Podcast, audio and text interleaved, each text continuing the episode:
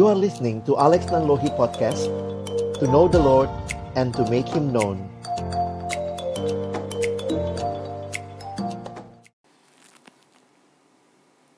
Mari teman-teman semua, sebelum kita membaca merenungkan firman Tuhan, kita berdoa. Bapa di dalam surga kami datang dalam ucapan syukur sore hari ini. Terima kasih Tuhan kesempatan kami bersama-sama merayakan Natal.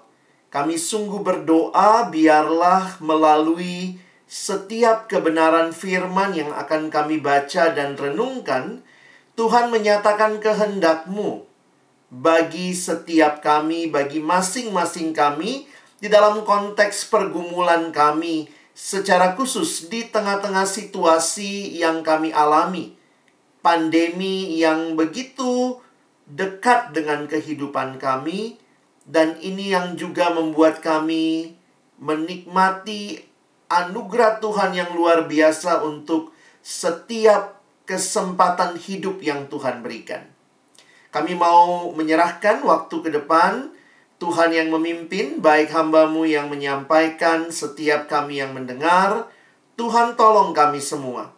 Agar kami bukan hanya jadi pendengar-pendengar firman yang setia, mampukan dengan kuasa pertolongan dari rohmu yang kudus, kami dimampukan menjadi pelaku-pelaku firmanmu. Secara khusus, di dalam masa remaja kami, masa muda kami. Di dalam nama Tuhan Yesus Kristus, Sang Bayi Natal yang kami peringati kelahirannya hari ini, kami menyerahkan pemberitaan firman-Mu. Amin.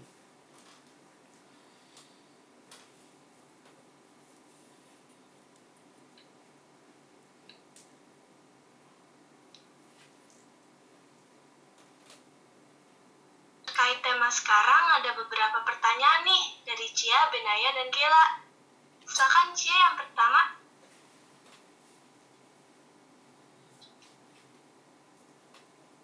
Halo kak, kedengeran nggak suaranya? Kedengeran, Cia. Cia mau nanya apa? Jadi kemarin kan saya lihat temanya kan God is with us. Mm-mm. Jadi aku tuh mau nanya, emangnya kalau saat kita bisa saat kita terpuruk itu gimana sih caranya nyadar kalau sebenarnya Tuhan Yesus tuh ada di samping kita buat nolongin kita terus. Oke, terima kasih, Cia. Oke, yang selanjutnya ada dari Benaya. Oke, halo Kak Alex. Halo, Saya mau Ben. bertanya, Ya, gimana? apa bukti Tuhan selalu mendampingi kita selama pandemi ini? Itu aja, terima kasih. Thank you. Oke, dan yang terakhir ada Kela. Iya kak, aku mau tanya kak. Mm-mm. Kalau kenapa ya aku kalau takut tuh kayak lupa Tuhan gitu. Hmm. Oke. Makasih kak. Ya, sama-sama. Wah, teman-teman, terima kasih karena kita bukan hanya mendengar tema, tetapi kita juga mau sama-sama menggali, mempelajari lebih dalam, dan pertanyaan teman-teman menjadi masukan yang baik untuk kita sama-sama akan mendaratkan tema ini bukan hanya di awang-awang, tapi kita mau merefleksikan untuk kehidupan kita, ya. Karena itu Kak Alex sore hari ini mengajak kita sama-sama akan melihat dulu apa yang firman Tuhan sampaikan dan nanti di bagian akhir khotbah ini Kak Alex ingin kita juga boleh melihat apa yang menjadi pertanyaan teman-teman tadi dan bagaimana kita bisa dengan baik melaluinya, menjawabnya dan ini jadi bagian kehidupan kita ya. Teman-teman, Kak Alex siapin uh, slide buat kita sore hari ini. Kita akan belajar sama-sama dan kesempatan ini saya ajak kita juga boleh tetap fokus sehingga nanti kita tidak ketinggalan sedikit pun ya. Nah, bersyukur tema kita hari ini Don't worry, God is with us. Oke. Jadi sebelum lanjut ya, Kak Alex mau sampaikan juga selamat Natal tahun 2020 dan selamat tahun baru. Kita sudah di tahun yang baru, tahun 2021. tahunnya aja pakai masker gitu ya teman-teman ya. Nah, apa yang menarik setiap kali merayakan Natal secara khusus ketika kita harus merayakan Natal di masa pandemi ini, Kak Alex jadi melihat ada banyak hal yang kita potong ya. Kita potong cut sana sini, tapi kemudian jadi pertanyaan, apa sih yang paling penting di dalam Natal? Ketika ini dipotong, itu dipotong, apa sih yang nggak boleh nggak ada di dalam Natal ya? Sehingga ada pertanyaan penting menanyakan begini dalam bahasa Inggris. What is the most important part about Christmas? Lalu dijawab, the most important part about Christmas is the first six letters. C H R I S T. Teman-teman bisa bayangkan, Christmas without Christ tinggal tinggal mas ya. Ini bukan perayaan mas-mas ya. Tapi kita mau bicara bahwa Kristuslah harusnya menjadi pusat dari Natal kita. Sehingga Kalek suka kumpul gambar karena picture speaks a thousand words. Christmas is empty without Jesus. And Jesus supposed to be at the heart of our Christmas. Harusnya Natal kita pusatnya Yesus Jangan sampai semuanya dipotong, eh Yesusnya juga kepotong. Enggak ya. Yang kita potong kali ini apa? Enggak ada konsumsi. Wah, tapi tetap ada Yesus dan itulah sebenarnya bagian penting di dalam Natal. Alex ingin kita melihat apa yang menjadi uh, kisah Natal yang pertama. Jadi kita akan melihat dua bagian ya. Tentu kita nggak bisa menjelaskan semuanya karena waktu terbatas. Tapi Kak Alex ingin fokus ke tema kita sore hari ini. Bacaan yang pertama di dalam Lukas pasal yang kedua, kita akan melihat Lukas 2 ayat 1 sampai 20. Kak Alex akan bacakan buat kita, teman-teman boleh ikuti. Saya sudah tulis ayatnya semua ada di screen, ya. Maaf, uh, saya potong aja. Jadi kita akan membaca mulai dari ayat 8 ya. Baik, teman-teman bisa lihat mulai dari ayat 8 ayat 8 sampai ayat yang ke-20. Di daerah itu ada gembala-gembala yang tinggal di padang menjaga kawanan ternak mereka pada waktu malam. Tiba-tiba berdirilah seorang malaikat Tuhan di dekat mereka, dan kemuliaan Tuhan bersinar meliputi mereka, dan mereka sangat ketakutan. Lalu kata malaikat itu kepada mereka, "Jangan takut." Kita hari ini pakai temanya mirip ya. Don't worry ya. Jangan takut sebab sesungguhnya aku memberitakan kepadamu kesukaan besar untuk seluruh bangsa. Hari ini telah lahir bagimu juru selamat yaitu Kristus Tuhan di kota Daud. Dan inilah tandanya bagimu. Kamu akan menjumpai seorang bayi dibungkus dengan lampin dan terbaring di dalam palungan. Dan tiba-tiba tampaklah bersama-sama dengan malaikat itu sejumlah besar bala tentara sorga yang memuji Allah katanya. Kemuliaan bagi Allah di tempat yang maha tinggi dan damai sejahtera di bumi. Di antara manusia yang berkenan kepadanya. Setelah malaikat-malaikat itu meninggalkan mereka dan kembali ke sorga. Gembala-gembala itu berkata seorang kepada yang lain. Marilah kita pergi ke Bethlehem untuk melihat apa yang terjadi di sana, seperti yang diberitahukan Tuhan kepada kita. Lalu mereka cepat-cepat Lalu mereka cepat-cepat berangkat dan menjumpai Maria dan Yusuf dan bayi itu yang sedang berbaring di dalam palungan. Dan ketika mereka melihatnya, mereka memberitahukan apa yang telah dikatakan kepada mereka tentang anak itu. Dan semua orang yang mendengarnya heran tentang apa yang dikatakan gembala-gembala itu kepada mereka. Tetapi Maria menyimpan segala perkara itu di dalam hatinya dan merenungkannya. Maka kembalilah gembala-gembala itu sambil memuji dan memuliakan Allah karena segala sesuatu yang mereka dengar dan mereka lihat semuanya sesuai dengan apa yang telah dikatakan kepada mereka. Bagian kedua yang akan kita baca diambil dari Injil Matius. Kita lihat satu ayat saja ya.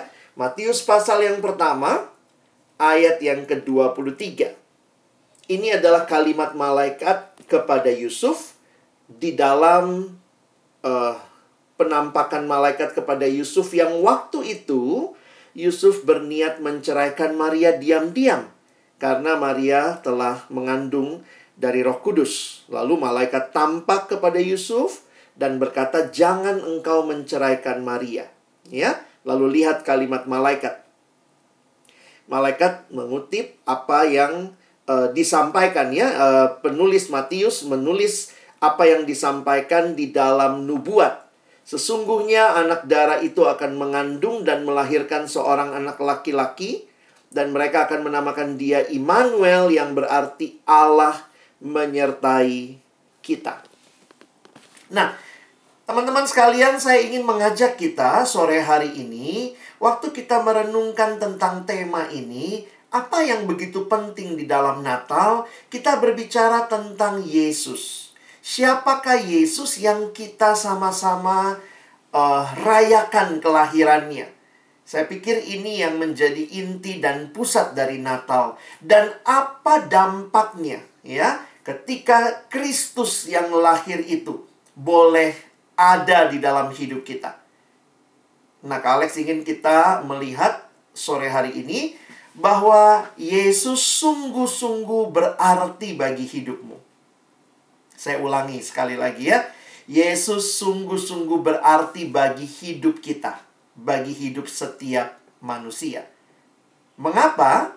Yesus sungguh berarti pertama bagi keselamatan kita dan yang kedua bagi kehidupan kita. Ya, coba kita lihat sama-sama. Yang pertama kita mulai dulu. Mengapa dikatakan Yesus sangat berarti bagi keselamatan kita? Karena Alkitab mengatakan dengan jelas bahwa Yesus menyelamatkan umatnya dari dosa. Mari kita kembali lihat bagian yang kita baca tadi. Sekarang Kak Alex mau masuk ke ayat yang ke-10 dan ke-11 saja. ya. Perhatikan berita yang disampaikan malaikat kepada para gembala. Lalu kata malaikat itu kepada mereka, kepada gembala, jangan takut. Sebab sesungguhnya aku memberitakan kepadamu kesukaan besar untuk seluruh bangsa. Hari ini telah lahir bagimu juru selamat yaitu Kristus Tuhan di kota Daud. Teman-teman yang dikasihi Tuhan, perhatikan kalimatnya ya. Bagi saya waktu memperhatikan ini menarik juga ya. Karena malaikat memberitahukan ada berita kesukaan besar untuk seluruh bangsa. Nah ini jadi pertanyaan, ada nggak ya berita yang ketika semua bangsa dengar, itu sukacita? Itu memang jadi berita kesukaan besar. Karena realitanya dalam dunia ini sering kali berita yang sukacita itu berlakunya di wilayah tertentu. Nah, contoh misalnya ya, kalau kalian suka bola misalnya, anggaplah uh, ada Eh, Manchester United ini ya, MU. MU menang tandingnya lawan siapa? Manchester City. MU lawan Manchester City menang MU. Nah, pertanyaannya begini, itu berita sukacita atau bukan?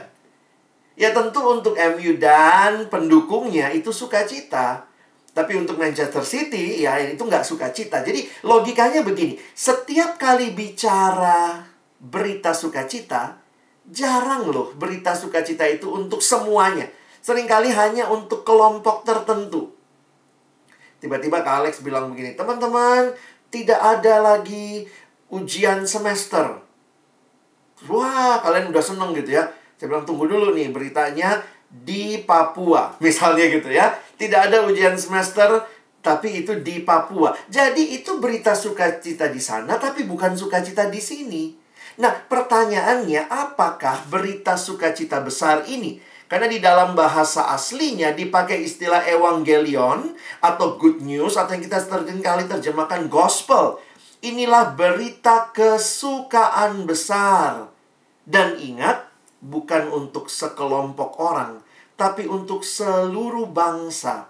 Dan perhatikan, kenapa ini jadi berita kesukaan besar? Karena malaikat berkata, hari ini telah lahir bagimu. Ada tiga nama yang muncul di situ ya. Juru selamat Kristus Tuhan. Nah, saya ingin mengajak kita uh, perhatikan yang juru selamatnya aja gitu ya. Ben mengapa kelahiran juru selamat ini adalah berita sukacita? Teman-teman, kita perlu memahami sering kali untuk memahami berita sukacita, mungkin kita perlu tahu dulu apa sih berita duka citanya. Jadi, ketika berita sukacita datang, maka kita jadi sadar, iya nih, ini benar-benar sukacita. Coba Kak Alex kasih contoh begini. Kalau kalian misalnya tidak sadar kalian sakit, kalian nggak sadar kalian sakit, maka seribu pun dokter berbaris di depanmu, kamu nggak merasa apa-apa. Itu bukan berita sukacita. Kenapa? Gua nggak sakit kok. Tapi kalau kamu sadar kamu sakit, satu dokter itu wah berharga banget, wah tolongin saya. Ini good news. Jadi sering kali ketika orang menyadari bad newsnya, maka ketika ada good news itu benar-benar good buat mereka. Nah, sekarang pertanyaannya, apa bad news yang melanda dunia? Wah. Jadi kalau kita mau bicara beritanya kan berita sukacita besar untuk seluruh dunia. Tapi pertanyaannya apa bad newsnya untuk seluruh dunia? Sehingga waktu itu datang itu benar-benar jadi good news. Di dalam Alkitab kita diberitahu bahwa berita duka cita terbesar itu bukanlah bicara corona, meskipun corona itu adalah pandemi, banyak juga orang-orang yang meninggal dunia karena corona, tapi ternyata berita duka cita terbesar menurut Alkitab bukanlah virus corona. Alkitab berkata berita duka cita terbesar sepanjang masa adalah dosa. Roma pasal 3 ayat 23 mengatakan karena semua orang tanpa kecuali ya, semua orang telah berbuat dosa dan telah kehilangan kemuliaan Allah. Teman-teman, perhatikan ayat ini baik-baik. Waktu Kak Alex merenungkan ayat ini saya jadi sadar ya, ternyata sin is the real pandemic. Dosa inilah pandemi yang sesungguhnya. Betul kita bilang corona itu pandemi, tapi perhatikan terjadi di banyak tempat di dunia, tapi kan nggak semua orang kena corona. Sementara kalau bicara dosa, tidak ada yang luput. Mau dia tua, muda, miskin, kaya, berpendidikan, kurang berpendidikan, laki-laki, perempuan, Alkitab berkata, semua orang telah berbuat dosa dan telah kehilangan kemuliaan Allah. Lebih lanjut, Paulus menggambarkan dosa seperti seorang tuan yang memperbudak. Jadi dosa sifatnya membelenggu. Nah, kalau kalian perhatikan, kelihatan dengan jelas bagaimana hidup di dalam dosa itu hidup yang membelenggu, teman-teman. Ada orang yang dibelenggu oleh pornografi, ada yang dibelenggu oleh rokok, ada yang dibelenggu oleh narkoba, ada yang dibelenggu oleh sakit hati, susah mengampuni, ada yang dibelenggu dengan iri hati, asal lihat orang punya apa, munculnya iri hati. Nah, bayangkan Dosa digambarkan seperti tuan, jadi dosa dipersonifikasi, seperti seorang tuan yang sedang punya budak. Makanya Paulus menggunakan istilah kamu dahulu hamba dosa. Dosa menjadi tuanmu. Dan tidak heran, Alkitab mencatat akhir kisah dari hidup di dalam dosa. The bad news. Upah dosa ialah maut. Roma 6 ayat 23a mengatakan sebab upah dosa ialah maut. Inilah kisah yang terjadi dengan the real pandemic yaitu sin. Bahwa dosa kalau corona tidak semua kena, ya ada yang selamat, ada yang sehat lagi. Tapi dosa melanda semua manusia dan berakhir pada maut. Tetapi Tuhan kita Tuhan yang punya rencana yang indah. Karena itu ingat ya kadang-kadang kita kalau hafal ayat gitu ya Roma 6 ayat 23. Sebab upah dosa ialah maut. Eh, jangan lupa teman-teman. Itu Roma 6 ayat 23a. Makanya kalau hafal ayat mesti utuh ya. Nah, Roma 6 ayat 23 secara utuh ayatnya menarik sekali. Sebab upah dosa ialah maut, tetapi di Alkitab kalau ketemu kata tetapi penting tuh belakangnya ya. Tetapi karunia Allah ialah hidup yang kekal dalam Kristus Yesus Tuhan kita. Perhatikan teman-teman. Jangan cuma hafal berita duka citanya berita sukacitanya, karunia Allah ialah hidup yang kekal dalam Kristus Yesus Tuhan kita. Di dalam dosa berujung pada maut. Maut berarti mati kekal, terpisah dengan Allah selama-lamanya. Tetapi karunia Allah ialah hidup yang kekal dalam Kristus Yesus Tuhan kita. Dosa itu masalah kita, masalahnya manusia. Tetapi manusia tidak bisa menyelesaikan dosanya. Karena itu Allah datang ke dalam dunia. Dosa masalah kita, tapi solusi atas dosa kita yang bisa menyelesaikan dosa kita hanyalah anak Allah yang diutus untuk menjadi solusi bagi dosa kita. Sin is our problem. But Jesus Christ, the God solution for our sin. Sehingga waktu kita mencari hidup itu apa? Searching for the answer to life? Jesus, you have found him. Jadi waktu kalian perhatikan gitu ya, wah itu gimana tuh? Menarik ya, cari di mana keyboard S-nya dua begitu ya. Demi kepentingan ilustrasi ya. Nah, teman-teman yang dikasihi Tuhan, inilah yang disampaikan. Kalau kita naik satu, eh, dua ayat dari Matius tadi ya. Ini yang tadi Kak Alex bilang, kalimat malaikat kepada Yusuf. Malaikat bilang begini, "Ia, Maria, akan melahirkan anak laki-laki, dan engkau, Yusuf, akan menamakan dia Yesus, karena dialah yang akan menyelamatkan umatnya dari dosa mereka." Perhatikan, Yesus datang ke dunia ngapain? Bukan studi tour, studi banding, lagi bosan di surga, ah jalan-jalan ah ke bumi gitu ya, tour gitu ya. No.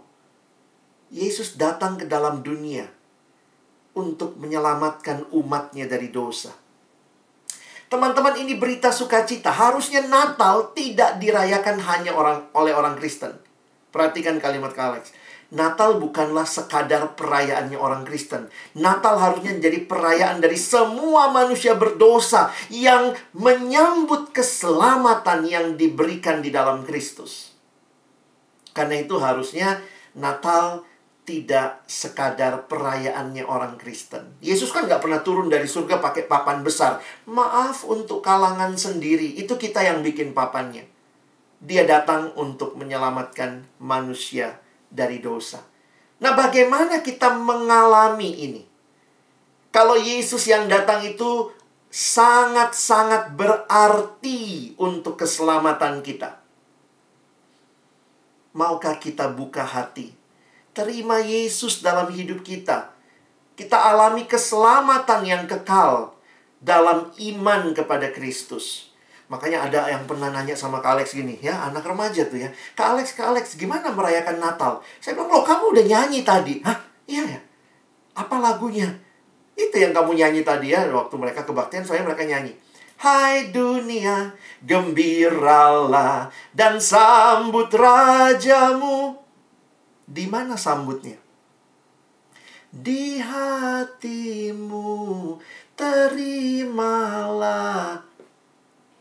Natal bukan sekadar sebuah acara perayaan, ada bayi Yesus yang lahir, katanya dia menyelamatkan dunia, tapi mari buka hati terima dia dalam hidup kita.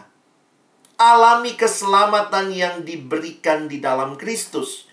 Dan ketika engkau alami keselamatan itu, maka ingat, kalau Yesus yang datang menyelamatkan engkau dari dosa, maka engkau tidak lagi hidup dalam belenggu dosa.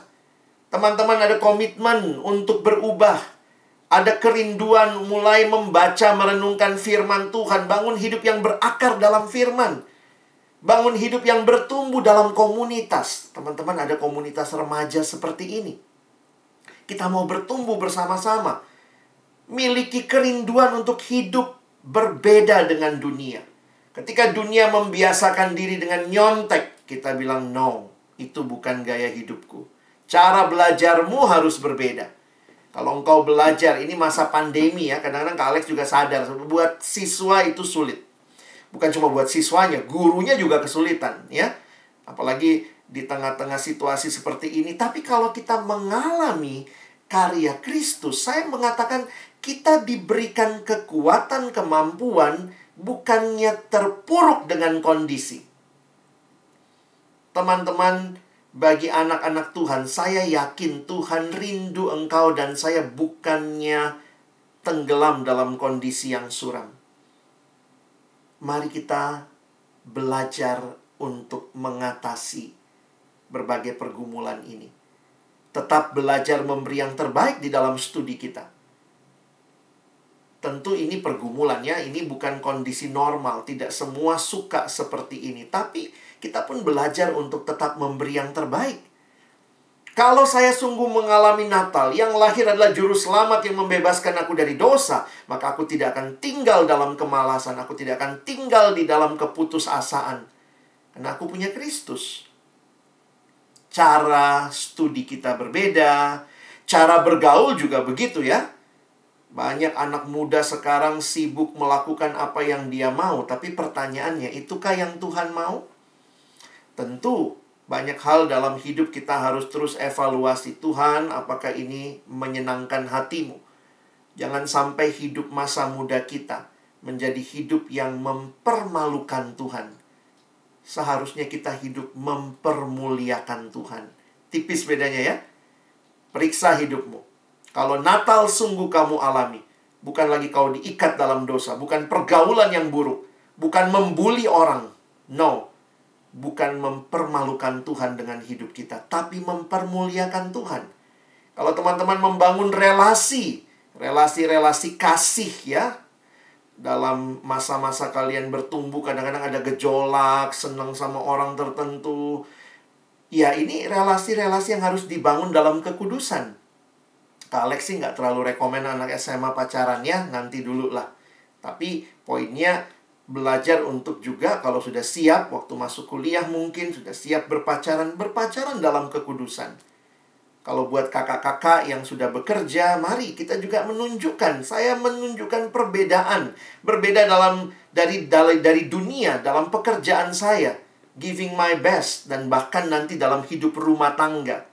Di sini ada beberapa kakak sudah berumah tangga, biarlah mengalami dengan indahnya apa artinya keluarga yang berpusat pada Kristus.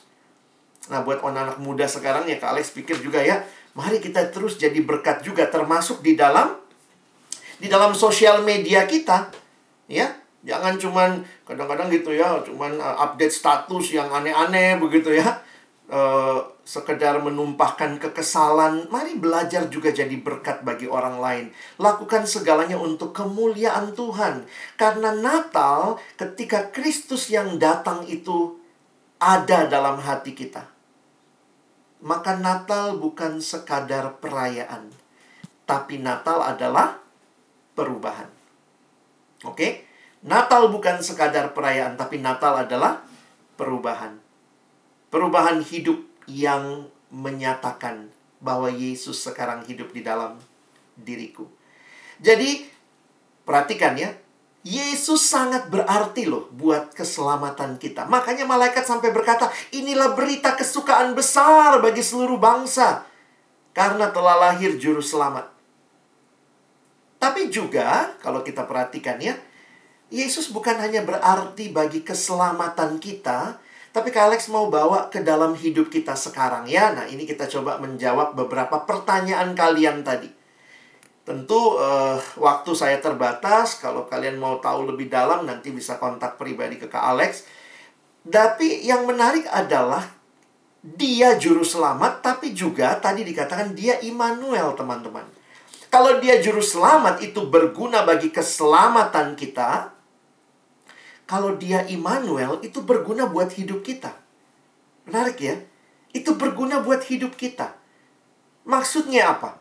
Ketika Alkitab berkata anak yang yang dikandung itu adalah dinamakan Immanuel yang dikatakan Allah menyertai kita, maka inilah yang menjadi jaminan kehidupan kita sekarang. Teman-teman, saya sadar betul ya, yang mengalami pandemi kan semua orang ya, bukan cuma orang Kristen kan. Atau bukan cuma orang yang non-Kristen, yang Kristen juga ngalamin. Jadi akhirnya Kak Alex jadi sadar ya, apa sih artinya Immanuel buat kita sekarang? Teman-teman ada ada survei yang dilakukan, ada satu artikel yang saya baca, dia bicara tentang ketakutan yang dialami anak muda. Tadi juga MC kita sudah men mendengarkan keluh kesah kalian ya. Takutnya apa? Ketakutannya bagaimana? Tapi ketika disurvei, ternyata ada ketiga ketakutan besar yang dialami oleh orang muda. Pertama ini, takut masa depan. Aduh, nanti aku jadi apa ya? Gimana ya? Dan itu menarik tuh. Bahkan mulai dialami oleh beberapa teman gitu ya. Dan saya juga waktu pernah remaja ya, Kak Alex kan nggak langsung gede begini ya. Saya pernah remaja, iya ngalamin tuh takut masa depan nanti gimana ya. Kalau nggak lulus nanti aduh, itu rasanya gimana ya. Yang kedua itu tuh, takut gagal. Jadi ini generasi yang juga takut gagal. Banyak anak yang takut melangkah, takut ambil keputusan, uh, takut gagal. Dan itu cukup menakutkan buat beberapa orang. Dan yang ketiga, nah ini menarik ya sebenarnya ya. Ini generasi yang sangat-sangat luar biasa bermedsosnya, tapi juga ini generasi yang sangat takut dengan kesepian. Follower bisa 2000, 3000 ya, tapi kesepian ya. Sehingga ini jadi tiga hal teratas di dalam melihat apa yang jadi ketakutan anak muda sekarang. Dan Kak Alex harus jujur katakan sama teman-teman. Sebagai orang-orang yang ada dalam dunia, apalagi di masa pandemi, teman-teman juga mungkin mengalami ketakutan-ketakutan ini. Dan ada hal yang sangat logis yang biasanya terjadi. Ketika kita mengalami pergumulan, itu tuh kadang-kadang kita langsung merasa, Tuhan kok begini? Tuhan mana sih? Kenapa sih saya dibiarin seperti ini? Apalagi ketika ada hal-hal buruk yang terjadi dalam kehidupan.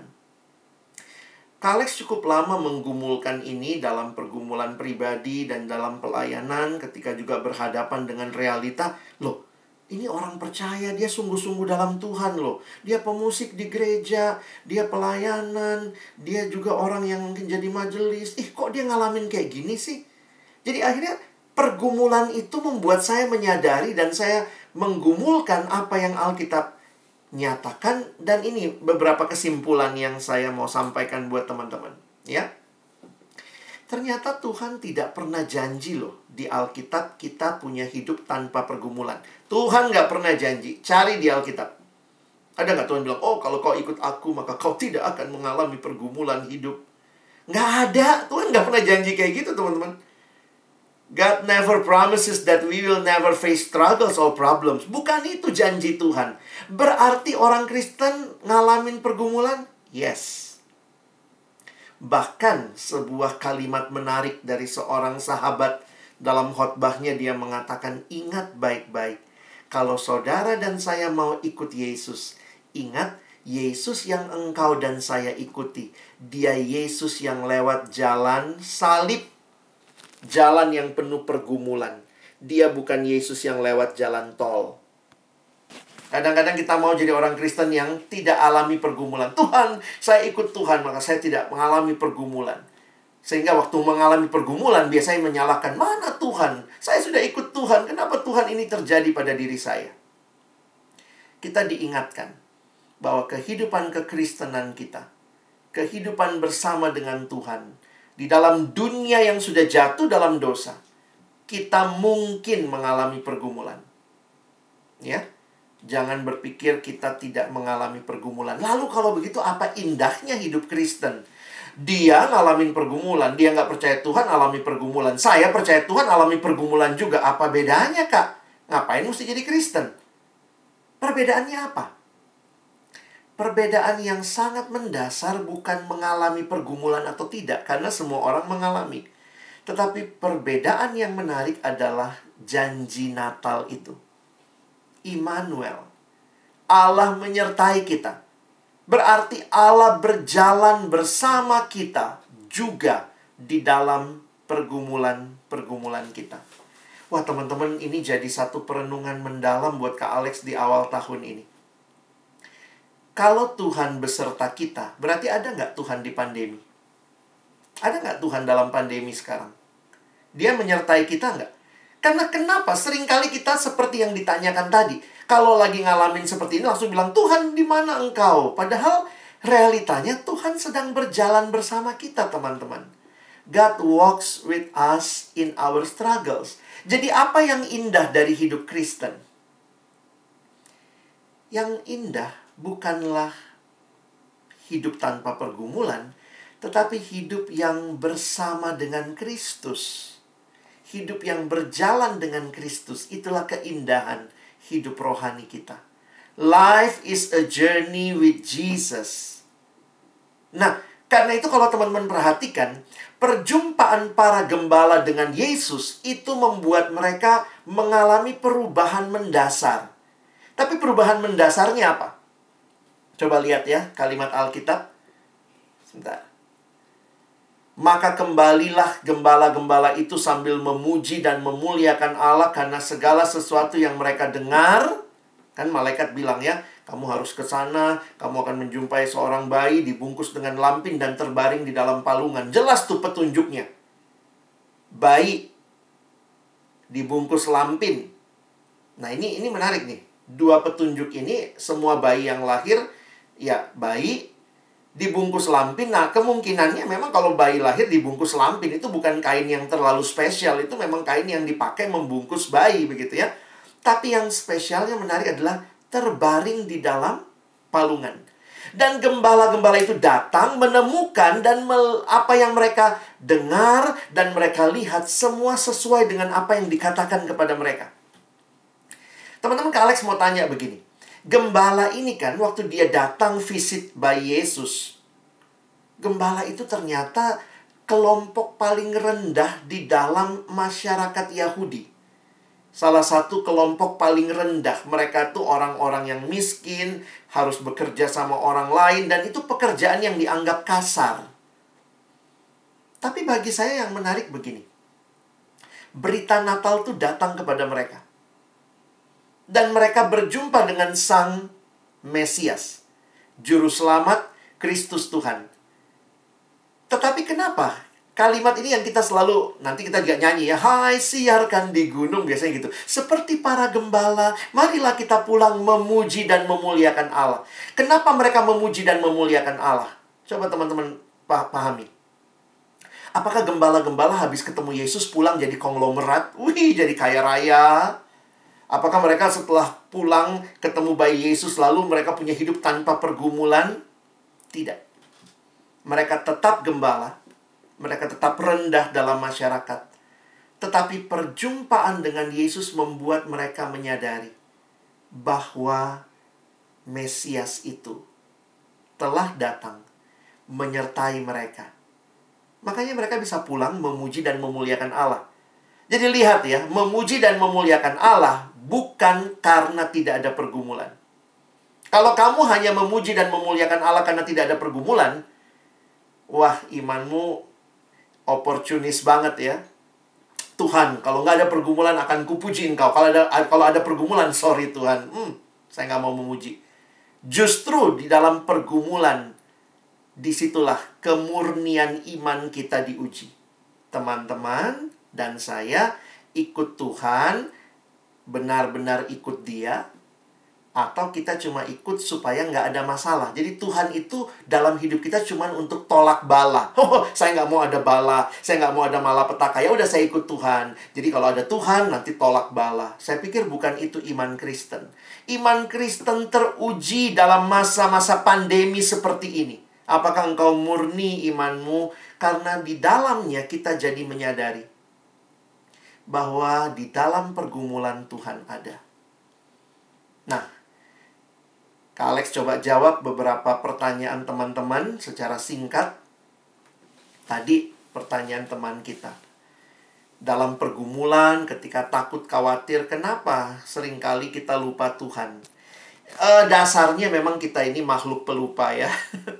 kita suka lupa. Makanya di Alkitab tuh menarik ya. Tuhan bilang ingatlah, ingatlah. Kayak, kayak Tuhan udah tahu nih, wah bakal lupa nih ya. Apalagi dalam dosa kita lupa apa yang seharusnya.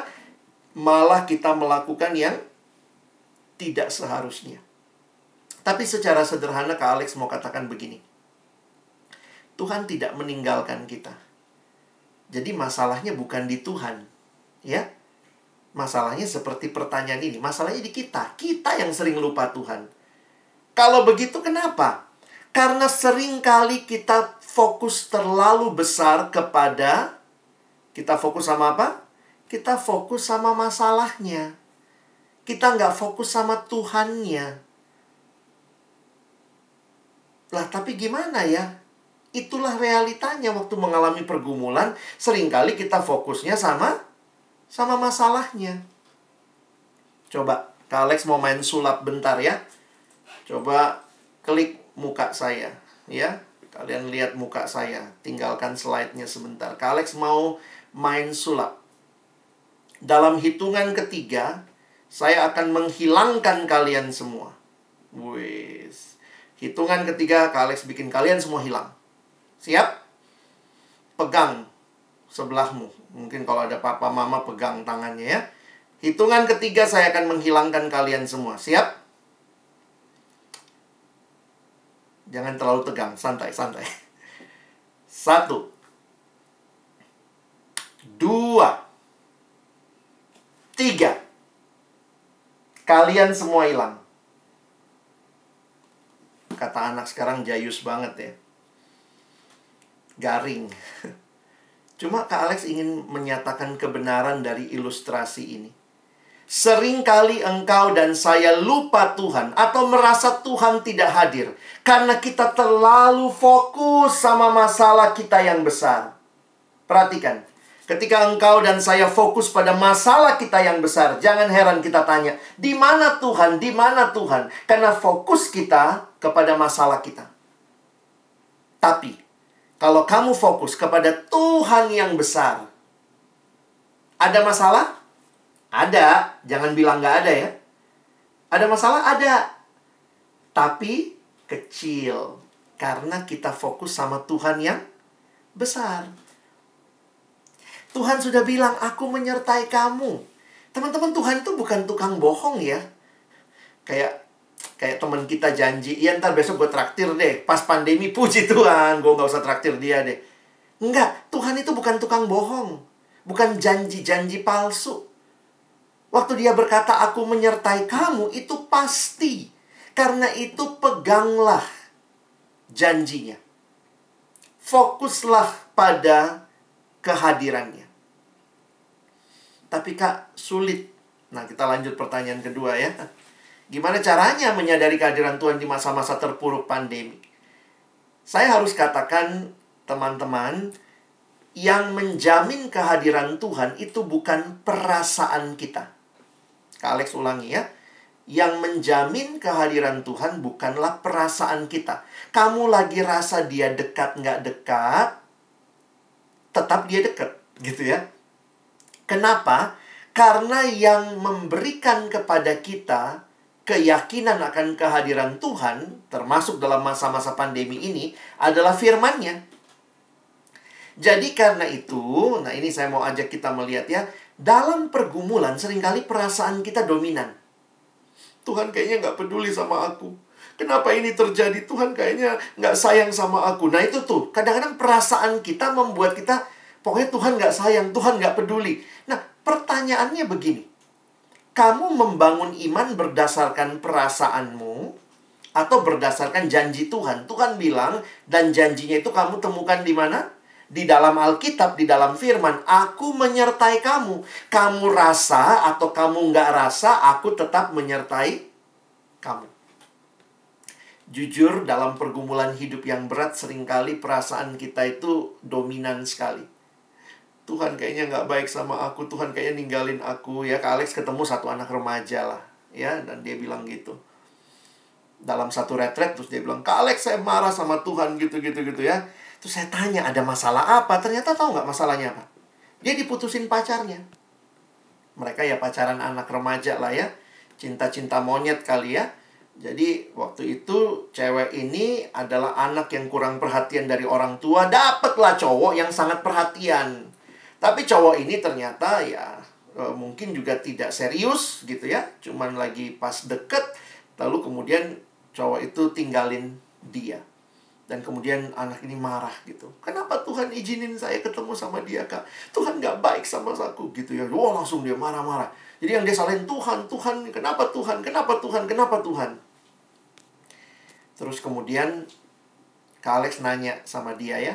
Karena ini pertanyaan yang ketiga yang kalian tanyakan menarik nih. Apa buktinya Tuhan menyertai kita di masa seperti ini? Waktu itu Kak Alex bilang sama dia, kamu umur berapa, dek? Dia bilang, saya umurnya 15. 15 tahun. Oh, oke. Okay. Nah, Kak Alex bilang sama dia, dari kamu umur 0 sampai umur 15 ini, kamu alami nggak kebaikan Tuhan? Diam dia. Ya, alami sih, Kak. Apa saja kebaikan Tuhan? Ya, aku bisa lahir, aku bisa hidup, punya orang tua, bisa sekolah. Iya ya. Nah, saya bilang, baru satu minggu kamu putus. Lalu kamu marah sama Tuhan. Lalu bilang Tuhan gak baik, Tuhan gak peduli, Tuhan gak menyertai. Saya bilang sama dia, satu minggu pengalamanmu menghapus semua hal yang sudah kamu alami bersama Tuhan 15 tahun loh. Jadi waktu saya bicara seperti itu nampaknya dia baru sadar, iya ya. Hati-hati teman-teman, memang mungkin sekarang kamu dalam pergumulan yang berat. Lalu kamu tanya, mana buktinya Tuhan menyertai? Karena dalam pergumulan ini kamu sulit melihat mana bukti penyertaan Tuhan. Tapi ingat lagi, kamu umur berapa? Sebenarnya kita masih bisa nafas saat ini.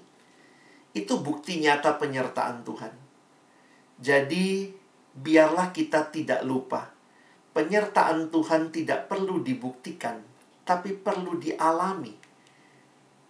Karena kalau kita membuktikan, apa gunanya? Buktikan penyertaan Tuhan. Terus, Tuhan bilang, aku sudah menyertai kamu. Dan aku tidak meninggalkan kamu. Dan di dalam situasi hidup, manusia itu punya musim hidup. Dari lahir, masa kecil, masa dewasa, masa berumah tangga, tua, lalu kemudian nanti salah satu meninggal sampai meninggal dua-duanya. Teman-teman ingatlah Tuhan senantiasa menyertai kita. Kak Alex kehilangan papa tahun lalu. Papa saya meninggal karena sakit sudah tua tapi dalam masa covid ya jadi wah itu kayak Uh, takut juga gitu ya waktu mau bawa ke rumah sakit takut nanti dia kena covid malah jadi akhirnya uh, apa tapi puji Tuhan di rumah sakit udah tes semua dirawat tidak covid.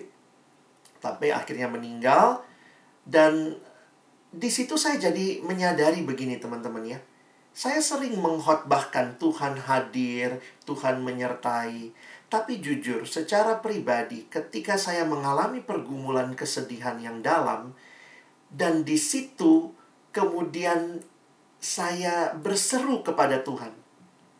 Saya bilang, Tuhan tolong saya. Hiburkan saya, hiburkan keluarga kami, gitu ya. Teman-teman, itu jadi satu penghiburan yang luar biasa loh. Kadang-kadang kalau orang bilang gini, ya lu kalau kalau butuh sesuatu ya datanglah bicara sama Tuhan berdoa sama Tuhan. Kadang-kadang kita bilang klise banget sih ada pergumulan doa minta sama Tuhan. Tapi waktu saya lakukan itu tahun lalu bulan Juni tanggal 17 ayah saya meninggal ketika saya berdoa teman-teman itu benar-benar kekuatan ketenangan penghiburan Tuhan berikan. Tentu tetap ada kesedihan tapi tidak berlarut-larut dan saya harus katakan itu adalah ketika saya berseru kepada Tuhan. Itu bukan klise, itu bukan cuman ya kalau ada apa-apa dalam hidup datang sama Tuhan Yesus, itu janji Tuhan. Itu bukan isapan jempol, itu bukan ceritanya guru sekolah minggu, itu bukan ceritanya kakak-kakak remaja ya, tapi itu janji Tuhan. Seperti yang kita pelajari hari ini, aku menyertai engkau. Aku akan menghibur engkau, aku tidak meninggalkan engkau berdoa. Baca firmannya. berseru sama Tuhan. Itu kekuatan kita. Itu bukti kehadiran Tuhan. Jadi hari ini kita melihat siapa Yesus. Yesus itu juru selamat. Yesus itu Immanuel. Dan karena itu, ini kesimpulannya ya. Yesus sungguh berarti bagi keselamatanmu dan juga bagi kehidupanmu. Teman-teman dan saya bisa melangkah dengan pasti. Melangkah dengan penuh keberanian, bukan ketakutan melangkah dengan iman meskipun mungkin begitu gelap. Karena firmannya jelas. Dia menyelamatkan. Dia menyertai. Karena itu kita bisa pulang dan alami tema kita ya. Don't worry. God is with us. Ini bukan sekadar tema remaja Natal kita sore hari ini.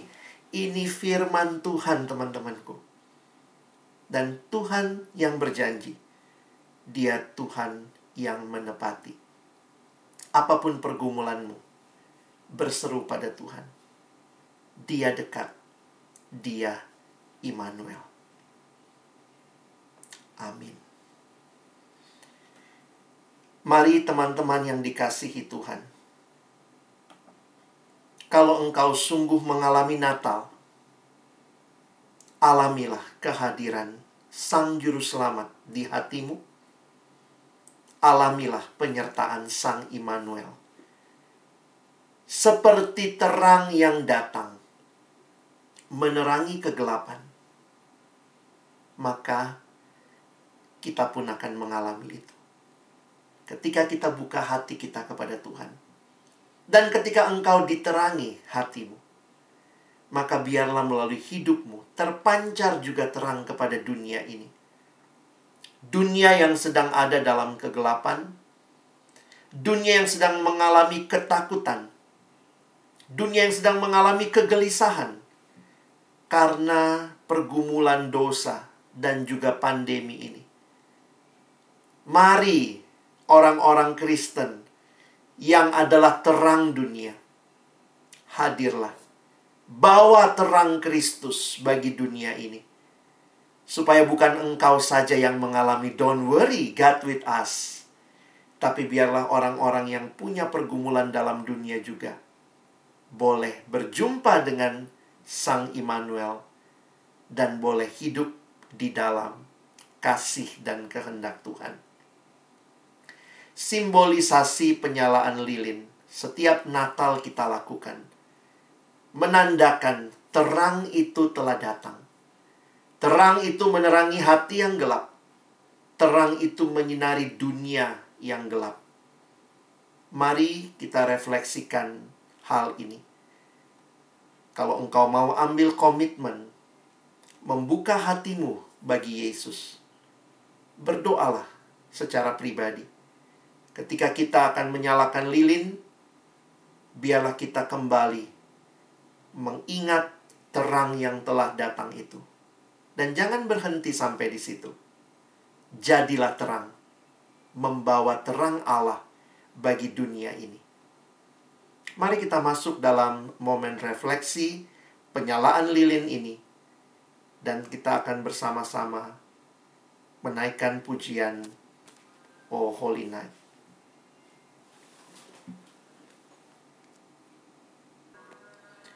Mari satukan hati menutup firman Tuhan di dalam doa. Kami bersyukur kepadamu ya Tuhan, karena hari ini kembali kami belajar kebenaranmu, janji firmanmu ya Tuhan, bahwa engkau yang lahir adalah berita sukacita besar bagi seluruh bangsa karena kami hidup di dalam dosa. Kami butuh juru selamat. Kami hidup di dalam ketakutan. Kami butuh Immanuel. Dan Yesus, engkaulah sang juru selamat kami. Ya Yesus, engkaulah sang Immanuel. Kami bisa melangkah menapaki hari-hari hidup kami seperti tema yang kami gumulkan bersama sore hari ini. Don't worry, God is with us. Biarlah ini menjadi kenyataan kehidupan masa muda kami. Kami yang bergumul dengan studi kami, kami berseru kepada Tuhan. Kami menikmati kekuatan dari Tuhan. Kami yang bergumul dengan kondisi keluarga kami, kami berseru kepada Tuhan. Kau dekat dan kau memberikan pemulihan bagi keluarga kami. Kami yang bergumul dengan dosa-dosa kami, kami berseru kepada Tuhan dan Tuhan memberikan kekuatan bagi kami untuk berkata tidak kepada dosa dan ya hanya kepadamu. Kami yang bergumul dengan masalah kesehatan karena pandemi ini. Kami berseru kepadamu Tuhan dan kami mengalami pemulihan dari Tuhan. Kami yang ada dalam masa-masa kekecewaan, kami berseru kepada Tuhan, Sang Immanuel dan engkau memberikan penghiburan, kelegaan kepada kami. Tuhan ingatkan kami bahwa kami tidak berjalan seorang diri, tetapi kami berjalan bersama Tuhan, dan Engkau hadir di dalam langkah-langkah hidup kami. Tolong kami, baik semua remaja, seluruh pembimbing, seluruh kami yang melayani Tuhan, ingatkan kami bahwa Engkau Allah kami yang kekal, yang menyelamatkan kami. Tetapi Engkau juga begitu dekat dengan kami di setiap langkah hidup dan pergumulan kami. Engkau ada. Tolong adik-adik remaja, boleh benar-benar percaya kepada Yesus, berseru kepada Yesus di dalam langkah-langkah hidup mereka. Mereka yang takut akan masa depan, mereka yang takut dengan kegagalan, mereka yang takut dengan kesepian, biarlah mereka datang berseru dan mengalami kehadiran Tuhan yang memimpin hidup setiap kami. Dan seperti lilin yang telah kami nyalakan, biarlah melalui hidup yang sudah diterangi oleh Tuhan, kami pun boleh hadir membawa terang itu kepada dunia di sekeliling kami. Terima kasih Tuhan. Kami bersyukur untuk firman-Mu. Kami bersyukur untuk refleksi penyalaan lilin. Di dalam nama Tuhan Yesus, kami bersyukur. Kami telah berdoa. Amin.